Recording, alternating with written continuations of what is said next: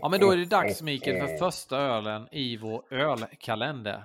Ja, första december, första ölen och den gör vi tillsammans. Helt Ja, såklart. Såklart, det är så det ska vara. Verkligen. Ja. vi måste ju börja någonstans. Sen kommer du köra själv ibland och jag kör själv ibland. Precis, precis. Men det här kommer, ja, det, det här, den här ölen har jag sett fram emot. En av eh, en utav de här härliga tipsen vi har fått in. Ja, verkligen. The Pine Ridge Brewery, som är då ett eh, bryggeri på västkusten. Och de har ju, alltså, de har ju fantastiskt fräcka etiketter får man säga. Den här, Ja. Mikael, vad heter denna? The Harry Beavers Smoked Vanilla Porter. Alltså namnet är ju magiskt. Som av en slump så råkar det vara en rökig öl i första. Det är ju ingen lucka. Vi har ju plockat ju inte dem med någon lucka kan man ju inte säga. Nej, precis. Men man, man brukar ju prata om kalendrar och, och sådana här saker då. Så då får man väl kanske liksom på något vis säga att det är lucka ett kanske. Ja, kan det, lå- det låter ju lite trevligare faktiskt. Jag håller med dig. Jag har hällt upp min i glaset, Mikael. Och Snyggt! Vi måste ju Ja, också det- nämna att det är Kristina Bengtsson som har eh, tipsat om den här ölen. Då, så.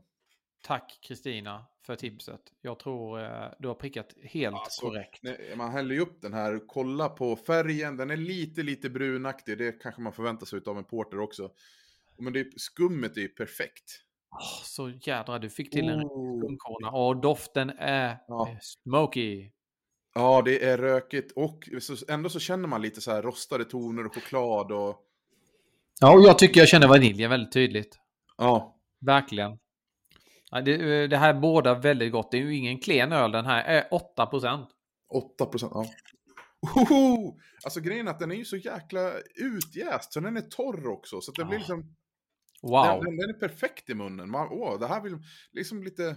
Det här vill man dricka mer utav. Och så röken är där som en liten subtil eh, boost liksom i smaken. Ja, jag får lite känsla av aska nästan. Ehm, Mm, mm. Asktoner. Precis. Och det, Och funkar superbra med alla de här rostade tonerna från, från malten.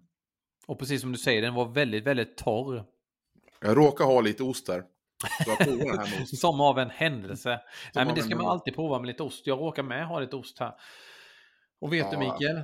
Jag råkar ha lite rökig ost faktiskt. Så det ska bli väldigt spännande. Oh. Som min fru var och köpte på julmässa till mig. Hon vet att jag gillar rök nämligen. Det vet väl alla i och för sig som sitter och lyssnar. Oh, ja, grön mögelost. Det, var, det behövdes någon starkare ost för att det skulle nå igenom. Mm. Ölen är så pass mycket kraftig i smaken, alltså det behövdes en jättetydlig ost för att det skulle vara. Verkligen. Mm. Mm. Nej, men det här var ju riktig höjdare att börja med. Mm. Ja, det är verkligen det här. Snacka om att börja på topp, känns det som. Det här, det här är svårt att slå den här, tror jag. Framöver. Jag har provat lite Pine Ridge innan och jag har gillat dem verkligen. Jag tycker de gör otroligt spännande öl. Jag tror de brukar ha väldigt många olika öl i sin eh, portfölj. Så det är bara liksom att prova på. Falkenberg ligger det ju som sagt var då. Så, Den här ska jag se till att eh, ha på julbordet faktiskt. Det tror jag. Ja, just det. Eh, Den här, jag tror att den här funkar jättebra till julmaten, helt klart. Eller, så, eller efter julmaten till, till ostarna då, som, så, att, så att säga. Mm. Det är bra att folk lyssnar på det här då den första december. Därför då har de ju fortfarande chansen att hinna beställa den. Och Mm. få fram den på julbordet helt enkelt. Nu när du tipsar så varmt om den till julbordets. Jag har en känsla att jag kommer älska många andra utav våra. Vi- Det här är första utav 24, så att, eh, vi får se. Ja, eh, jag är helt övertygad med om att eh, det är liksom, jag tror det, vi kommer prova 24 riktigt, riktigt bra öl. Så eh, det är ingen tvekan om det. Hörru Robert, eh, det Ja, vad säger- en bra start. Ska vi säga skål och eh, god öl? Ja, jag slår till med att säga skål och god jul. Oh, god jul! Skål! Snyggt. Skål!